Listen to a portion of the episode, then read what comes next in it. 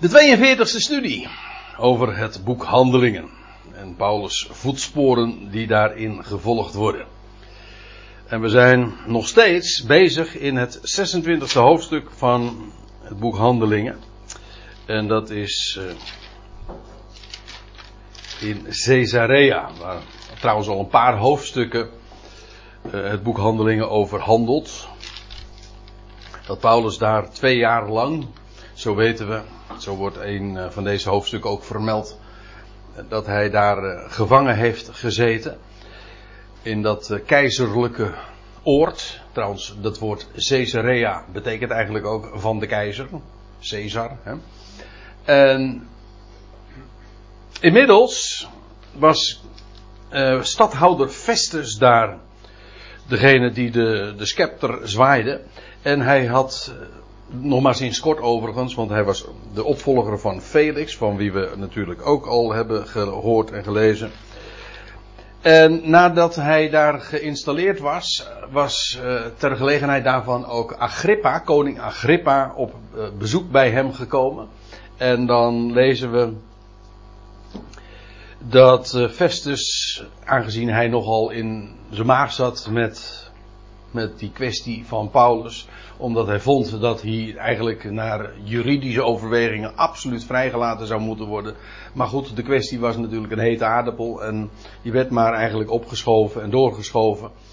En omwille van de Joden wilde hij zich niet aan de kwestie branden. Maar nu Agrippa, die hij als een kenner beschouwde, als een expert op het gebied van allerlei interne Joodse aangelegenheden. En dat was hij absoluut natuurlijk ook. Nu was Agrippa op bezoek, dus eh, dat was een mooie gelegenheid voor Festus om het, de hele kwestie eens aan Agrippa voor te leggen. En dat kwam goed uit, want ook koning Agrippa, die had nu al zoveel en uh, vaak vernomen van deze figuur van Paulus. Dus nu was hij eindelijk ook in de gelegenheid om hem persoonlijk eens te ontmoeten en uh, uit te horen. Dus ja, dat was een wederzijds belang. Dus Paulus mocht opnieuw opdraven om zijn verhaal te doen, om zich te verdedigen. Nou, dat is eigenlijk Handelingen 26 en we hebben inmiddels al een paar avonden daaraan uh, gewijd. Dit is ook het meest diepgravende betoog dat, uh, dat we dan lezen, want als hij zich eerder heeft verantwoord voor Festus en uh, nog weer eerder voor Felix, dan is dat uh, toch tamelijk oppervlakkig. Aangezien zij allebei, ik bedoel die beide stadhouders, die Romeinse stadhouders, niet zo erg op de hoogte waren van uh, de ins en outs. Agrippa daarentegen wel, en dat merk je dan ook meteen, de wijze waarop Paulus dat aanpakt. Hij, hij gaat heel diepgravend te werk. Dat wil zeggen, hij vertelt uitgebreid over de dingen en hij veronderstelt ook een heleboel dingen als bekend. We zullen dat vanavond trouwens ook vanzelf nog wel zien. Uh, het lijkt me nuttig om eventjes uh, alleen al nog voor te lezen wat we de voorgaande avond hebben besproken.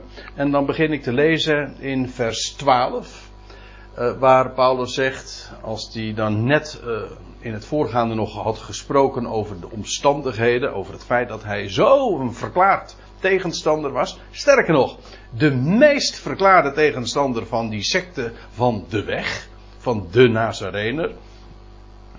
En hij was eigenlijk de aanvoerder van die hele beweging tegen uh, de weg. En dan geen, geen omstandigheid of geen gelegenheid liet hij onbenut om zich te verzetten tegen de Nazarenen en die hele beweging uit te roeien. Echt te roeien, uit te roeien. In die omstandigheden, zegt hij dan, ging ik naar Damascus met volmacht en vergunning van de hoge priester. Waaruit trouwens ook maar weer blijkt dat hij dus ook, dat de hoge priesters hem toestemming hebben gegeven. Dat het initiatief dus eigenlijk bij Paulus zelf lag. Om dat te doen. Uh, midden op de dag nam ik onderweg waar, o koning. Want tot hem richt hij zich. Weliswaar waren er vele anderen die hem aan, ook aanhoorden. Festus was daar ook bij, dat zullen we ook vanavond nog wel zien. Maar hij richt zich in zijn toespraak, in zijn verdediging tot de koning. Midden op de dag nam ik onderweg waar, o koning, van de hemel, boven de schittering van de zon. Dat wil zeggen, het ging de schittering van de zon te boven. Uh, een licht dat mij en die samen met mij gingen omstraalde. En toen wij alle ter aarde vielen, let op, allen, dus die allen zagen dus ook een, het licht. Niet de figuur, maar wel het licht. En toen wij allen ter aarde vielen, hoorde ik een stem tot mij zeggen in het Hebreeuwse dialect: Saul, Saul, waarom vervolg je mij? Het is hard voor jou tegen de stekels, die scherpe punten, ook daar hebben we het nog even over gehad, uh, te trappen. En die anderen hebben wel geluid gehoord, daar hebben we ook nog wat uitgebreider bij stilgestaan. Ze hebben geluid gehoord, maar uh, de stem in ieder geval niet verstaan. In ieder geval niet uh, wat de stem zei. En wellicht is dat omdat de, de medereizigers geen, niet het, de, het Hebreeuwse dialect machtig waren. Dat zou uh, kunnen. In ieder geval, ze hoorden geluid, ze zagen licht, maar ze zagen niemand. En ook niet de stem konden ze verstaan en begrijpen. En, nou ja, dit was de, het grote moment van ommekeer natuurlijk. Saul, Saul, wat vervolg je mij? En, maar ik zeide, wie bent u Heer? En de Heer zei, ik ben Jezus, die jij vervolgt. Hij vervolgde de gemeente, maar de Heer identificeert zich eigenlijk met, met die vervolgden als waren zij één, hè, één lichaam. En in feite zie je hier in de kiem al de openbaring die Paulus ook in de schriften, in zijn brieven neerlegt. Namelijk dat de gemeente, het is een unieke waarheid die alleen Paulus onder woorden brengt. En uitlegt en ook uh, toelicht. En vooral ook de, de toepassingen ervan uh, laat zien.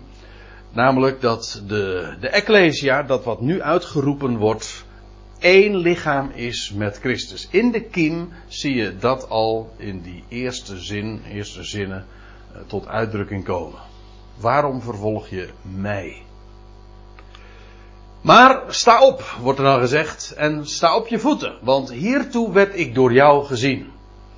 Om je voor te bestemmen, als een assistent en getuige daarvan dat je mij waarnam. En waarnam, visueel.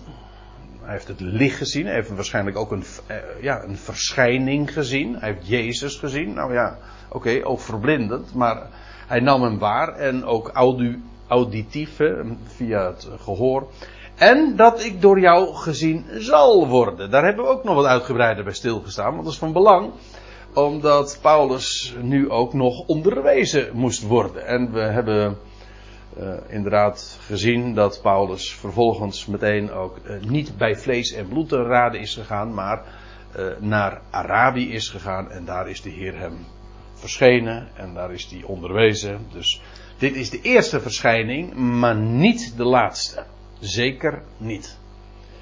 En dat wordt in deze eerste verschijning ook meteen al aangegeven. Ik ben door jou gezien, maar ik zal ook door jou gezien worden.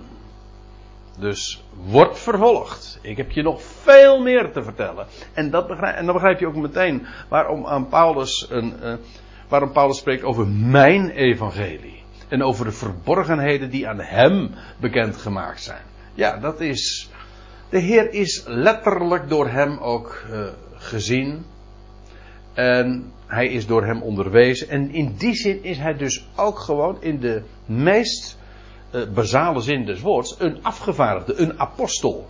Dat wil zeggen, door de, een kenmerk daarvan is dat een, van een apostel is dat hij afgevaardigd is en uh, hoogstpersoonlijk door de opgestane Heer, in dit geval zelfs de verheerlijkte Heer, en ook in laatste instantie uh, heeft hij de informatie, uh, is hij geïnformeerd door de Heer en, af, ja, en al zodanig afgevaardigd. Dus hij heeft een hele aparte, bijzondere missie. Dat door jou gezien zal worden. Terwijl ik je uittil vanuit het volk, Israël, en vanuit de natieën, want Paulus had zijn roots eigenlijk in beide. Paulus was opgevoed in Jeruzalem, hij was een Jood, een Fariseer enzovoort. Jawel, maar hij was ook een Romein. Maar hij wordt eruit getild. En hij wordt met een missie erop uitgestuurd waarheen ik jou ook afvaardig. Om hun, en dat is het laatste wat we de vorige keer hebben gezien. En hier wordt in een vier, vijftal statements aangegeven wat Paulus nu te doen zou staan. Uh, ja, wat hem te doen uh, stond. En, en wat hij zou gaan doen. En in feite staat er een paar keer hetzelfde, alleen op verschillende wijzen ook geformuleerd. En het geeft ook allemaal verschillende facetten aan van wat zijn missie nu is. Om hun, en strikt genomen gaat het hier eigenlijk over de natieën, maar goed, de natie in het algemeen, inclusief het volk. Om hun ogen te openen. Tot om, dus dat is één.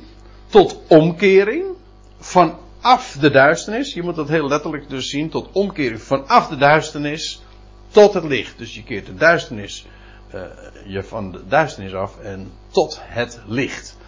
Uh, in beide gevallen moet ik. Ja, de metaforen die hier gebruikt worden, die zijn eigenlijk ook heel erg liggen dicht bij wat, wat Paulus nu op dit moment ook meemaakte. Namelijk licht. Uh, dat omstraalde hem nu. En vervolgens zijn ogen zouden ook werkelijk geopend worden. En van de volmacht van de Satan, deze wereld leeft daarin, in, in het gebied van de tegenstander, in het domein uh, van de slang, om het eventjes met de, uh, de titel van een bekend boek, evangelisch boek, te noemen. Uh, in het domein van de slang, de, hoe lees je dat ook alweer? Deze Aion wordt genoemd, de, ja, deze boze Aion, maar, en de Satan ook de God van deze Aion.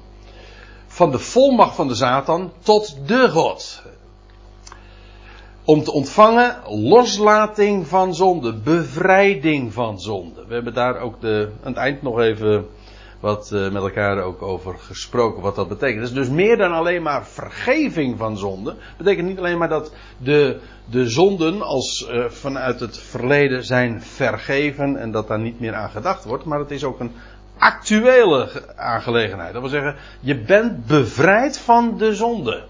Dat is dus niet meer ons pakje aan, ons probleem, daar ben je van bevrijd. Waarom? Je bent, wel, je bent in een ander gebied geplaatst en je richt je op hem. That's it. Bevrijd van de zonde, dus het probleem is over. En een lotsdeel, een, meestal wordt het vergetaald met een erfdeel. Dat kan een, een Eigenlijk een lotsdeel is iets wat je ten deel valt. Dat kan een erfenis ook zijn valt je feitelijk ook ten deel. Maar eigenlijk het idee is vooral, het, eh, het valt je ten deel uh, als lot, ja, maar ook door, eventueel zelfs letterlijk door loting. Uh, het, het valt je met recht toe. Toeval. En een lotsdeel te midden van de geheiligden in het geloof in mij.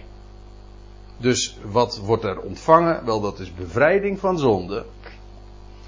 En vervolgens uh, krijg je een, een lotsdeel uh, te midden van degene die God zo heiligt en nu apart zet en vergadert. En hoe, hoe dan wel? Wel in het geloof. Of waar dan wel? In het geloof in mij.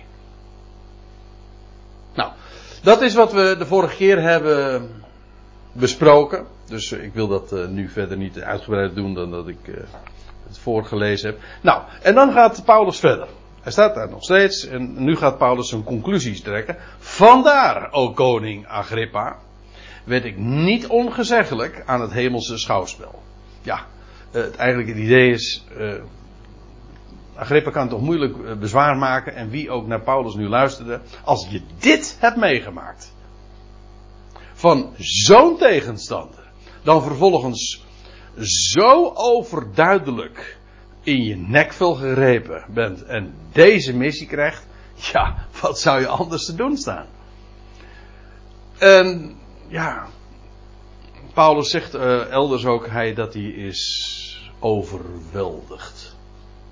En dan praat je niet meer in termen zoals evangelische christenen dat graag doen over keuze en dergelijke. Dat zijn dingen die dan eigenlijk niet eens meer aan de orde zijn. Je kiest dan niet. Paulus heeft niet voor Jezus gekozen.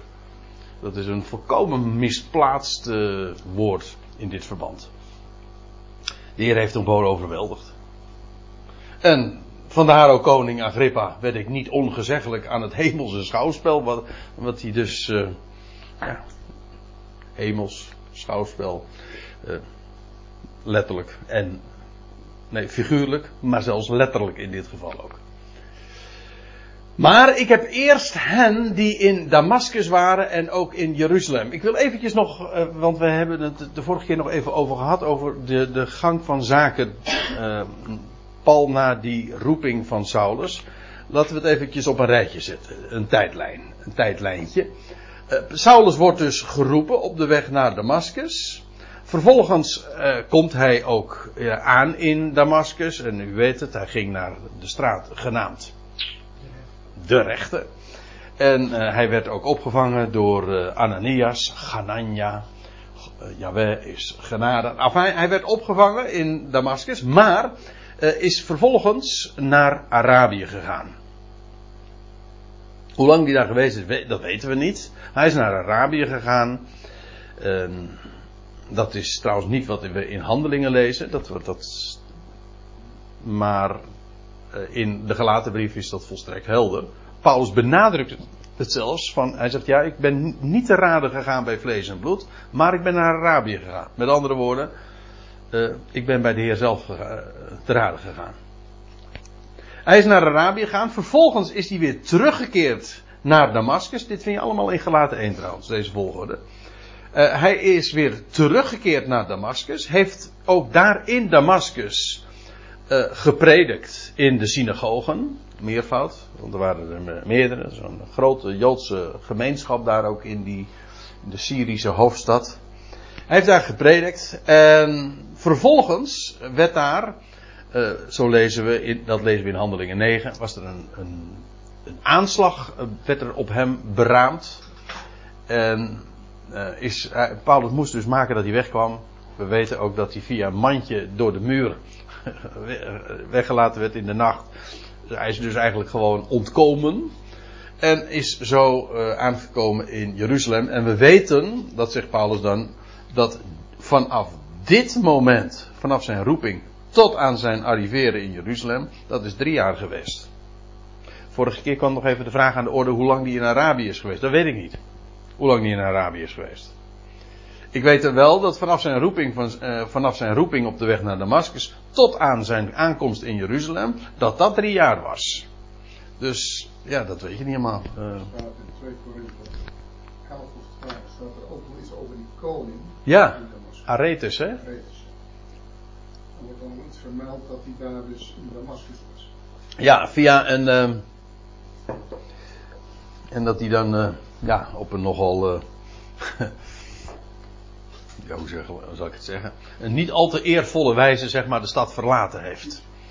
Maar dan zegt hij ook, trouwens ook in dat verband in 2 Korinthe, dat die, uh, dat die mens, dat was 14 jaar later geloof ik, uh, een dingen gezien heeft die een mens niet vergund zijn te spreken. Ja, nou het ging me eventjes nu om de, alleen eventjes om de volgorde te laten zien. En dat je dus niet kan zeggen van hoe lang dat, bijvoorbeeld hoe lang hij gepredikt heeft in de synagoge. Het kan zijn, ik noem maar wat, dat, zijn, dat hij daar in Arabië een jaar geweest is. En dat die prediking in de synagoge twee jaar geduurd heeft. Dat weet ik niet. Uh, dat is gewoon eigen invulling. En daar doen we liefst niet aan. He? Hij is in ieder geval eerst naar Damascus gegaan. En uh, ja, dat is ook nog een boeiend verhaal. Want dat wil ik graag nog eens vertellen. Uh, hij is naar Damascus gegaan. En nou zou je eigenlijk daar uh, nog eens een keer ook het, de Hebreeuwse Bijbel op moeten naslaan. Want wat weten we? We weten van Elia dat hij ook in Damascus is geweest. Sterker nog, Elia was naar uh, Damascus gestuurd nadat de Heer hem in Arabië was verschenen. Hé, hey, dat is een opmerkelijke parallel. Die komt de stad, de naam Damascus wel vaker tegen in de Hebreeuwse Bijbel. De eerste keer. Weet u hem? Ja, zijn knecht, Eliezer. Dat was een Damaskener. Dat had iets te maken met de belofte van Abraham. En nou ja, Eliezer wordt in dat verband ook afgewezen. Maar goed, in ieder geval, dat, is, dat zou niet degene zijn, de erfgenaam van Abraham. Dat is maar een lijfelijke zoon. Maar goed, nu even dit. Damascus. En dan moet je eens opmerken hoe bijzonder die parallel is. Dus Paulus, de Heer is hem verschenen. En vervolgens is hij weer teruggekeerd naar Damascus. Ik bedoel, de Heer heeft hem ook in, Arab, uh, in Arabië onderwezen. Laten we, laat ik het eens op een rijtje zetten. Je leest dat in 1 Koningin 19. Die geschiedenis. Elia wordt gezonden naar Damascus. Na de verschijning op de Horeb. Dat lees je dus ook in 1 Koningen 18. Nee, dat is 1 Koningen 19. 1 Koningen 18 is, meen ik, die, dat, dat uh, relaas over de, de priesters van Baal. Dat is 1 Koning 18, hè? Ja, op de, ja precies, op de, op de berg Karmel. Dat is trouwens ook een heel profetische gebeurtenis. ik blijf, laat ik even ter zake blijven. Hè? André, je moet niet van de hak op de dak springen. Ja, het zijn wel mooie dingen. Daarom, ik, word, uh, ik kom wel eens zo in de verleiding om meteen uh, om wat zijpaadjes in te gaan. Elia wordt naar Damascus gestuurd. Dat was nadat de Heer hem uh, verschenen was op de Horeb. En ik zeg Arabië, want dat is nu juist het hele verhaal. Uh, we weten dat de Sinaï in Arabië ligt. Dat, is, dat mag dan afwijzen, afwijken van onze, uh, of de, de gangbare inzichten. Dat doet nu even niet de zaken. Horeb ligt in Arabië. Dat is gewoon de Bijbelse waarheid. En de Heer is hem verschenen op haar. En daar moet ik even wat over vertellen. Want weet, we weten, uh, Elia, u weet het, hij was, uh, Israël geloofde niet. En is, Elia is eigenlijk helemaal ten einde raad. Er waren, iedereen was eigenlijk, dan zegt hij, hij is, nee het is zelfs zo dat Elia zegt, ik alleen ben overgebleven. Nou, en dan zwaar depressief uh, komt hij dan in, uh, daarbij de berg Horeb. En dan vervolgens. eerst, het eerste wat gebeurt, laat ik dat zo zeggen. Het eerste wat dan gebeurt is dat er een storm komt. Maar dan lees je, in de storm was de Heere niet. Dan lees je over aardbevingen. Of een aardbeving, nee aardbevingen. Maar in de aardbevingen was de Heere niet. En dan lees je en eh, dat, er, dat er vuur verscheen, of dat zich vuur aan hem openbaarde. En dan staat er, en, maar de Heer in, was in dat alles niet. En die dingen die genoemd worden, storm, aardbeving en vuur, dat is nu juist, zijn nu juist de dingen die genoemd worden in verband met de wetgeving op de berg. Dus die storm en die aardbeving en die vuur, dat was niet waar de Heer in was. Maar ze herinneren aan wat er ooit op de berg Horeb, op de, uh, de Sinai, had plaatsgevonden. En dan lees je, toen, vervolgens, was daar het zuizen van een zachte stilte. En daarin was de Heer. Kijk, eerst dus storm, aardbeving en vuur. Daarin was de Heer niet. Dat herinnert aan de wet. Het oude verbond. Dan vervolgens krijg je, dan hoort hij het zuizen van een zachte stilte. En dat zachte stilte, dat heeft zowel te maken met uh, ja, verfrissing, maar ook met zachtheid, met, met genade. En ook met verborgenheid. Het was een zachte stilte. En daarin was de Heer. En dat was de verschijning van, en dan lees je ook dat uh, Elia vervolgens geïnstrueerd wordt. Maar het was in dit alles, in het zuizen van die zachte stilte, dat de Heere zich uh, openbaarde aan Elia. Niet in dit. Dus je ziet hier dus de Horeb, oude verbond, nieuw verbond. Toch? Zoals ooit op de berg Horeb de wet werd gegeven en, en later zou de Heer zich openbaren aan Paulus, ook in Arabië. Nou, zo is het ook dus met Elia gegaan. Het loopt dus volkomen parallel. En vervolgens, vanaf de Horeb, dan lees je dat Elia moest een buitenlandse koning zalven. Maar hij krijgt nog iets mee. Hij krijgt de verzekering mee dat God zich in dat ongelovige Israël een overblijfsel zou overlaten. 7000. Het waren de, iemand zei, is vond wel mooi geformuleerd. Uh, Elia dacht dat hij de enige was die overgebleven was. Maar de Heer liet hem zien dat er 7000 meer waren. 7000 keer zoveel als dat Elia dacht. Maar goed, eh, getalsmatig was het een, eh, een minderheid. En wat ik hierin ook weer zie, is die parallel met Paulus. Want aan de ene kant, hij wordt, Elia wordt nu naar het buitenland ge, gezonden om daar een buitenlandse koning te zalven. Dat is eigenlijk ook een eigenaardig fenomeen. Hè? Ja. Hazel. En, hè? Ja, en die wordt dan ge, daar moet hij naartoe, naar een, hoezo, naar een buitenlandse koning. Ja, eh, het, waarom naar de natieën? Eigenlijk, het is zo, wat je hier in type ziet, is, uh, het gaat hier over een koning, over een koninkrijk, nu in het buitenland. Ja, maar dat is nou precies wat uh, eigenlijk ook het verhaal van Paulus is. Israël is in ganze groze, zoals de Duitsers dat zo mooi zeggen, over het grote geheel in ongeloof, maar er altijd heeft, behoudt God zich een overblijfsel, een rest. En Paulus uh, legt dat ook uit, want ik verwijs nu naar Romeinen 11, vers 3 en 4. Daar, daar, daar, daar haalt Paulus dat aan van Elia. En die 7000 die hun, knieën niet hebben gebogen voor, uh, voor, voor Baal. Ja. En dan, zegt, en dan zegt Paulus, ja, dat is een type van de tegenwoordige tijd. Aha, dat is een type van de tegenwoordige tijd, maar dat gaat nog veel verder dan dat er in de tegenwoordige tijd een overblijfsel is. Het gaat, dit hele verhaal loopt parallel met de tegenwoordige tijd.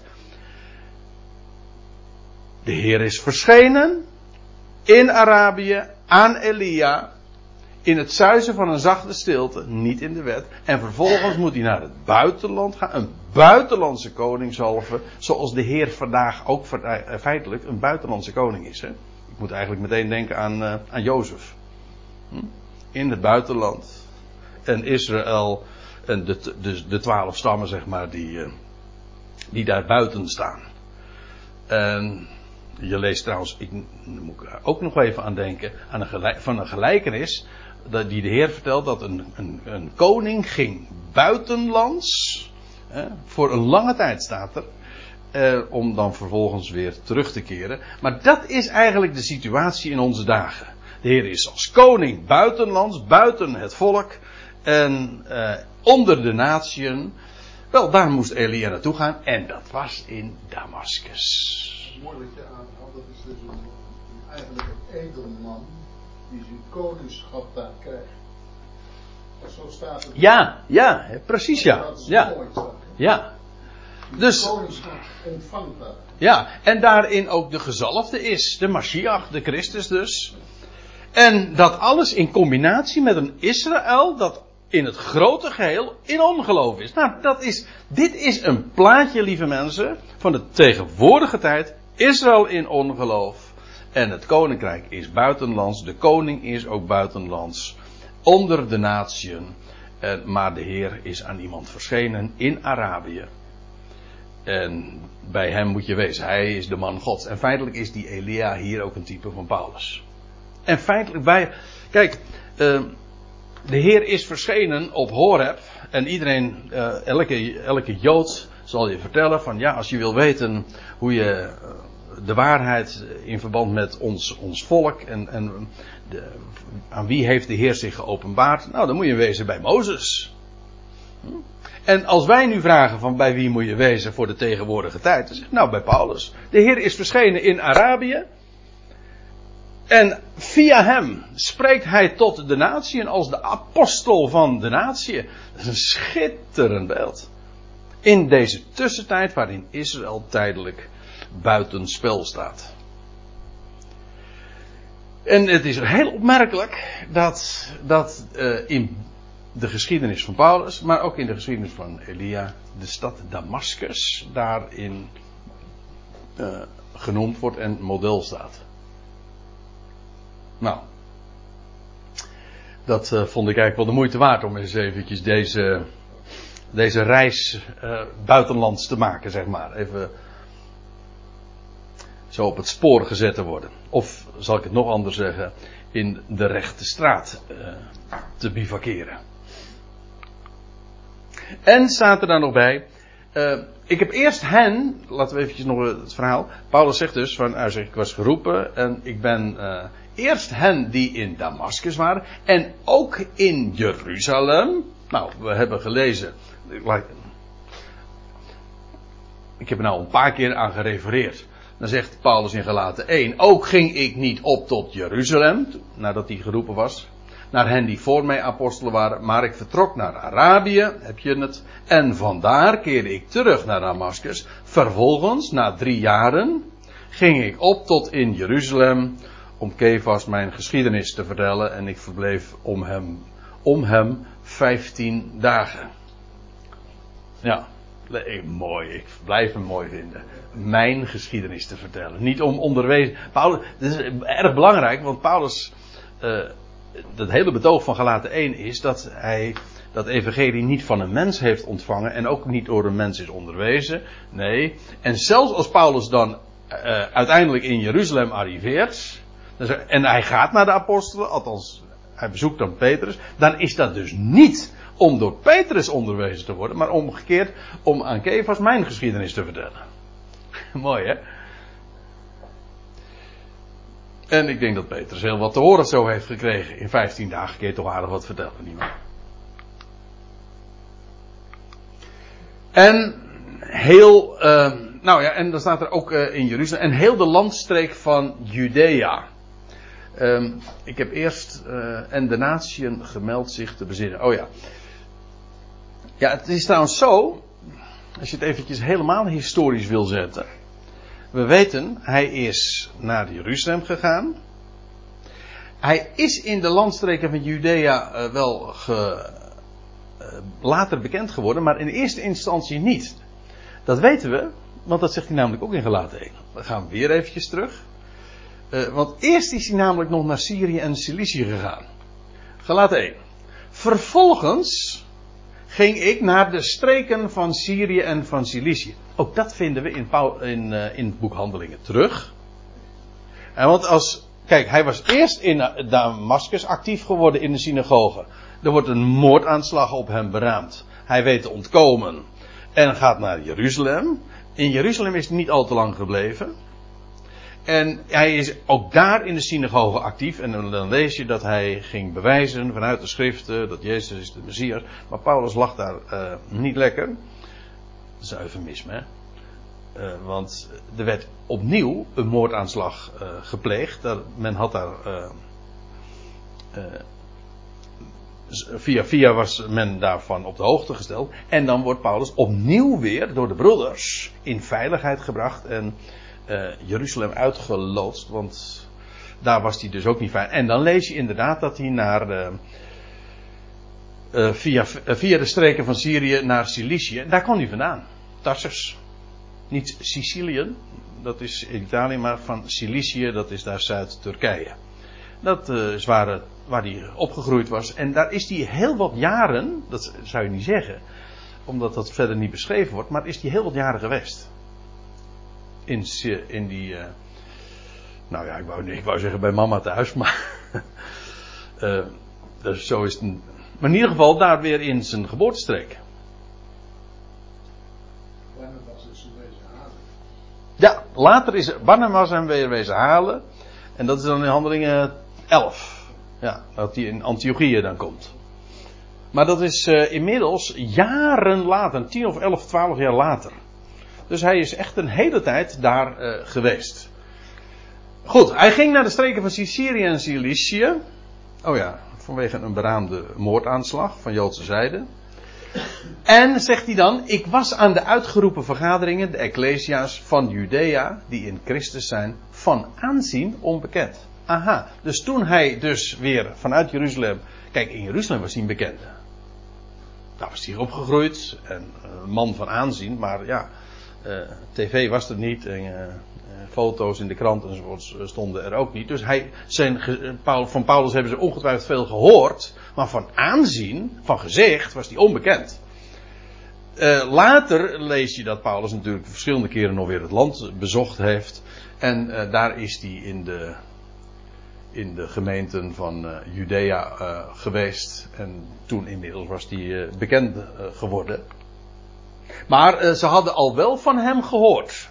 Want zij, alleen hoorden zij van mij, hij die ons eens vervolgde, brengt nu het goede bericht van het geloof, dat hij eens te gronden richtte. Dus dat hadden ze wel van hem vernomen. En later hebben ze hem ook ontmoet. En van hem hoogst, hoogst persoonlijk dat verhaal dus gehoord. Goed. Uh, hij is dus in Damascus, via in Jeruzalem. Hij is ook in de landstreken van Judea geweest. En de natieën gemeld zich te bezinnen. En om te keren tot de God. Ik geef toe, uh, soms klinkt het wat vreemd als je dat bepaalde lidwoord de erbij zet. Maar ik vind hem altijd prachtig. Want het bepaalt je echt bij de God. Ja, vooral omdat de natieën de God niet kennen. Die kennen wel goden, maar de God. Ja, want het blijft zo. Er is of één God, of geen God. Want zodra er meer dan één God is, dan moet hij zijn macht dus delen, maar dan is hij geen God meer. Dus er is of één God, of geen God. Dus ja, dat, eh, je kunt zeggen van die, uh, al die, uh, die goden van de natie, en dat zijn dus met recht afgoden, die leiden je alleen maar van God af. Dus hè, dat is wat mooi van het woordje afgoden. Maar hij heeft de natieën gemeld zich te bezinnen en zich om te keren tot de God. En hier kom je twee woorden tegen die nogal eens een keer door elkaar gebruikt worden. Het woordje bezinnen hier, dat is het Griekse woordje metanoia. Meta betekent eigenlijk om of met. En noia, dat kennen we allemaal. Dat betekent, dat is de denkzin. Paranoia betekent dat je echt uh, een beetje het spoor bijster bent in je denken. En heb je nog meer woorden met noia? Paranoia, metanoia. Nou, kom er niet zo gauw op. Maar in ieder geval, feitelijk, we, tegenwoordig in het uh, moderne Nederlands, de laatste jaren is, uh, kennen we een woord dat eigenlijk voorheen vrijwel onbekend was. Dat is het woordje omdenken. Eigenlijk, metanoia, dat is eigenlijk omdenken. In je denken,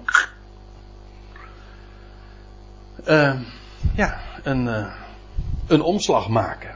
En dat, eh, je leert alleen maar omdenken doordat je, ja, je krijgt iets te horen en dat verplicht je om, om de consequenties daarvan te overzien en dan ga je, dan ga je denken. Het wordt meestal, of nee, dat weet ik niet of ik dat hard kan maken, maar in ieder geval heel dikwijls vertaald met berouw. Maar dat is niet wat het is. Metanoia heeft te maken met de denkzin. En het is een omdenken. En vandaar ook uh, het woordje bezinnen, omdenken, uh, geeft dat prima weer. Oh, dat is echt. Uh, nou, dat vind ik wel een heel kwalijk. Ik zeg heel vaak van de Statenvertaling is vaak veel beter dan de MBG-vertaling, maar nou zeg ik het in ieder geval niet. zich zouden beteren, zich verbeteren. Nee, dat is het in ieder geval niet, nee. Eh, sterker nog, als je werkelijk hoort, als het evangelie hoort en dat brengt je tot bezinning, dan weet je in ieder geval, ik hoef me niet te verbeteren. Maar ja, God maakt een nieuw mens van je, dat is wat anders. Maar dat is wat hij doet. Dat is juist dat, om, dat, is juist dat omdenken wat er gebeurt. Van, hij doet dat. Hij geeft aan denkzin veranderen, dat is het eigenlijk. Wat zeg je, sorry? Denkzin veranderen, ja. Ja, dat is het, omdenken. Dat goede woord. De denkzin veranderen. Denkzin Ja, ja. Dus de denkzin moet veranderen. Ja, ja.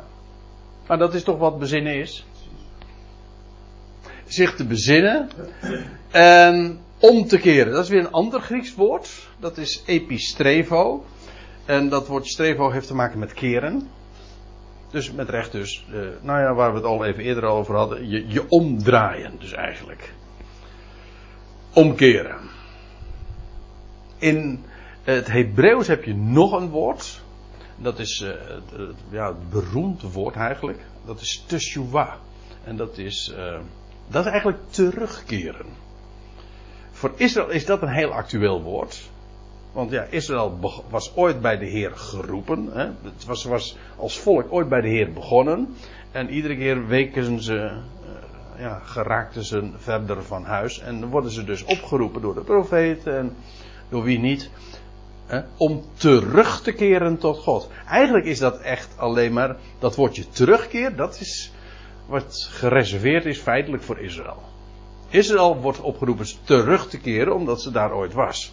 Voor de natieën gaat dat verhaal niet op, want we waren juist ver van God verwijderd. En uh, het, is het, probleem met beide begrippen is dat uh, het nogal eens een keer vertaald wordt met uh, beide met bekeren. bijvoorbeeld hier in Handelingen 2 vers 38, maar er zijn er vele andere voorbeelden, wordt dat metanoia ook vertaald met bekeren. Ja, en het, ja, je valt, weet je wanneer je door de mand valt? Wanneer beide woorden in één zin gebruikt worden. Dan, dan kun je dat nou, die truc niet meer uit toepassen. Dan val je echt door de mand. Het is van belang. Het ene heeft dus te maken met het denken, het omdenken. Het, het veranderen van de denkzin. En het andere, het, het andere gedachte is dat je omkeert. Natuurlijk is er, is er overlap. Dat zijn twee verschillende woorden. En je zou het niet uh, beide met bekeren vertalen. Ik heb, vind trouwens, uh, maar dat is nog een ander punt. Het woord bekeren heeft bij ons natuurlijk een puur godsdienstige betekenis gekregen. Iemand die zich bekeert. Uh, bijvoorbeeld, je kunt je bekeren van het boeddhisme naar, het, naar de islam. Ik noem wat. Dat heet dan een bekering.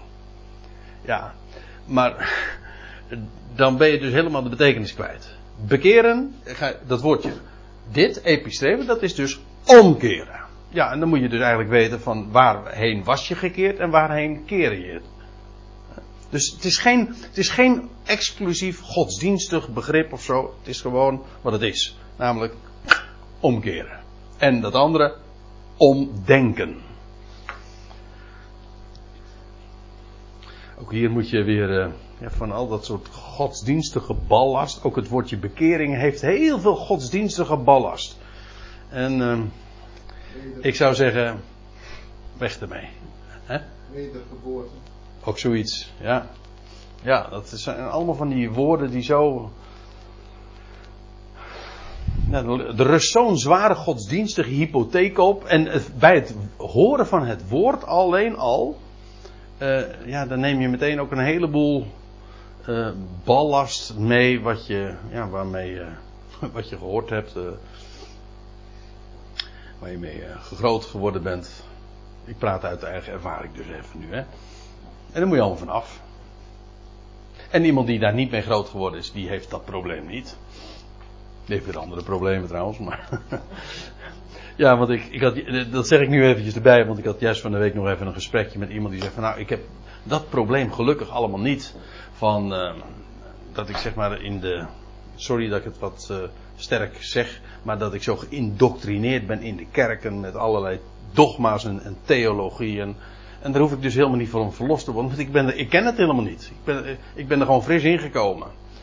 Maar goed, ze melden ook wel van dat het een nagroot nadeel heeft, en dat is. Uh, ja, ze was totaal natuurlijk uh, onbekend met, met, met de Bijbelse geschiedenis en met Bijbelse personen enzovoort. Ja. Dat wat je allemaal te horen krijgt in de, in de, in de opvoeding in de loop der jaren, als je daar vertrouwd mee geraakt wordt, ja, dat is een enorm uh, voorrecht. Dat is een groot voorrecht. Zoals je van Timotheus leest dat hij van kindsbeen aan de schriften kende. Ja, dat zijn, als je dat zeg maar op 20, 30, 40-jarige leeftijd alsnog je vertrouwd mee moet maken, nou dan heb je toch een flinke achterstand.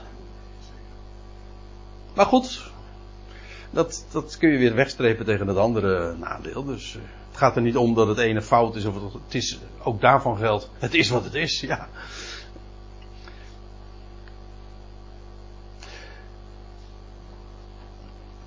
Nog even de, de laatste van vers 20. Uh, ik ben eerst naar uh, hen die in Damascus waren, ook te Jeruzalem en heel de landstreek van Juda en de natieën gemeld zich te bezinnen en om te keren tot de God, werken verrichtend, de bezinning waardig. Ook die is heel mooi. En het sluit eigenlijk ook wel aardig aan bij wat we vorige keer aan het einde van de avond nog uh, bespraken. Uh, wat Paulus dus zegt. Kijk, Paulus is, een, is degene die de genade predikt. En dat we daarin totale een, een totale denkzinverandering in ondergaan. Je gaat anders denken. Niet je moet anders denken, maar als je dit hoort, ga je anders denken. Net zo goed als dat je, als je een bepaalde, je doet een zonnebril op, dan, dan moet je niet de dingen anders zien, dan ga je de dingen anders zien. Dat is het. Het is, is, een, het is niet een beschrijving van hoe, hoe je het moet doen, het, gaat, het is een beschrijving van wat het, wat het doet. En dat is hier ook, wat Paulus leerde, is dat we, hoe zou uh, het leven daarna dan zijn? Sommigen zeggen van ja, dan moet, je, dan moet je dit en dat. Nou, dan heb je dus, dan ben je, heb je nog, dan ben je nog niet goed tot bezinning gekomen. Heb, je de evangelie waarschijnlijk ook nog niet echt gehoord? Of nog, het kwartje is niet gevallen. Maar wat, is de, wat Paulus predikt is dat wij dan in die bezinning en in dat gekeerd zijn naar de God, dan gaan we werken verrichten die de bezinning waardig zijn. Ik vind dat woordje waardig heel mooi, want u ziet het, uh, dat, het dat is echt uh, in de NBG-vertaling wordt het weergegeven met in overeenstemming met, maar het gaat juist om dat woordje waarde. Het heeft dat onze werken, dus dat wat wij doen, wat we verrichten en wat ons, ja, gewoon ons dagelijks leven, zeg maar, dat dat de waarde reflecteert van de bezinning. En wat trouwens ook betekent, het begint bij omdenken, het begint bij denken en dat werkt uit vervolgens in het leven. En de bedoeling van ons leven is dat het waarde krijgt. En wat, wat geeft het waarde? Wel doordat je de God leert kennen. En zijn woord gaat verstaan. En dat geeft waarde en zo mag je leren leven. En dat is een voorrecht. Dat is niet een wet van wat je moet. Dat is waarde. Ik vind het wel uh, grappig. Nou, nee. Ik vind het wel geestig. Dat uh, men dan spreekt in het. Uh, ja, tegenwoordig het vocabulaire, spreekt men ook in de politiek, wordt er heel vaak gesproken over normen en waarden. Eigenlijk moet je het omkeren. Het begint bij een waarde. Je hebt iets wat waardevol is. En een norm is alleen maar ter bescherming van die waarde. Het gaat om de waarde, maar alleen een norm is leeg, een lege huls. Het gaat erom, ik noem maar wat. Um, als het leven waarde heeft, dan bescherm je dat. Dus, dus dan, heb je de norm, daar blijf je met je tengels van af. Waarom? Omdat het leven waarde heeft. Maar op het moment dat je alleen nog maar een norm hebt, van je moet dit of je moet dat, ja, dat, dat heeft met recht, dat is waardeloos. En feitelijk is dat toch uh, ik bedoel, de politiek kan roepen van uh, normen en waarden. Maar feitelijk wat men, de hele moderne filosofie, wat je van alle kanten in je oren getetterd wordt, is: het leven is waardeloos. Ons leven uh, is begonnen ooit met een oerknal. Het heeft geen zin, het heeft geen doel. Er is geen niemand die aan het begin en aan het einde staat. Dus het, het is met recht waardeloos. zinloos. Het wordt gepredikt zo. Zo wordt het verteld. Hoe is het mogelijk? Als het leven waardeloos is, dat je nog normen zou kunnen hanteren. Dat bestaat helemaal niet. Wat valt er dan nog te, te vertellen tegen mensen? Waarom zou je zeggen. Heel grappig, ik had van, uh, met mijn zoon Die eh, studeert tegenwoordig rechten, de jongste. En eh, die vindt rechtsfilosofie zo leuk. En hij kreeg les eh, op de Haagse Hogeschool, of de universiteit, nee niet de Haagse, de Leidse Universiteit van een hele bekende rechtsfilosoof, Paul Cliteur, misschien kent u de naam. Een, ehm, hij is een, eh, een van de meest vooraanstaande atheïsten ook in Nederland. Maar toen hadden we het over rechtsfilosofie. Je kunt, hoe zou je, als er geen God is, nog tegen mensen kunnen vertellen van wat ze zouden doen of niet? Wie, wie staat er, de, in de Franse revolutie zei men al, geen God, geen meester. Wie zou jou dan vertellen wat er goed is en wat niet goed is? Dan, ga je, dan doe je maar. En als mensen zeggen van ja, maar dat mag helemaal niet, van wie niet? Er is helemaal geen God. Dus het leven is waardeloos. Het heeft, dus, het heeft helemaal geen zin. Alleen als het leven echt waarde heeft en er is iemand die het bedacht heeft en die een zin aan de dingen geeft, ja, dan, dan is het zinvol om na te denken over ja, de richting en over normen. Anders niet. Afijn, ons leven heeft waarde, want we kennen de God en we mogen leven hm, om die waarde, om een waardevol leven te leiden en zo uh, daaruit, uit die rijkdom zeg maar, uit te delen. Nou, dat was vers 20 en inmiddels is 9 uur, dus ik stel voor dat we eventjes een kopje koffie gaan drinken.